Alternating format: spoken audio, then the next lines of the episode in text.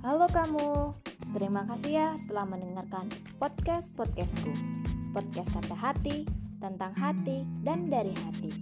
Terima kasih juga telah meluangkan waktumu hanya untuk mendengarkan podcast-podcastku. Aku sangat menghargai itu dan menyukainya. Sampai jumpa di podcast berikutnya. Salam hangat dari kata hati. Bye-bye.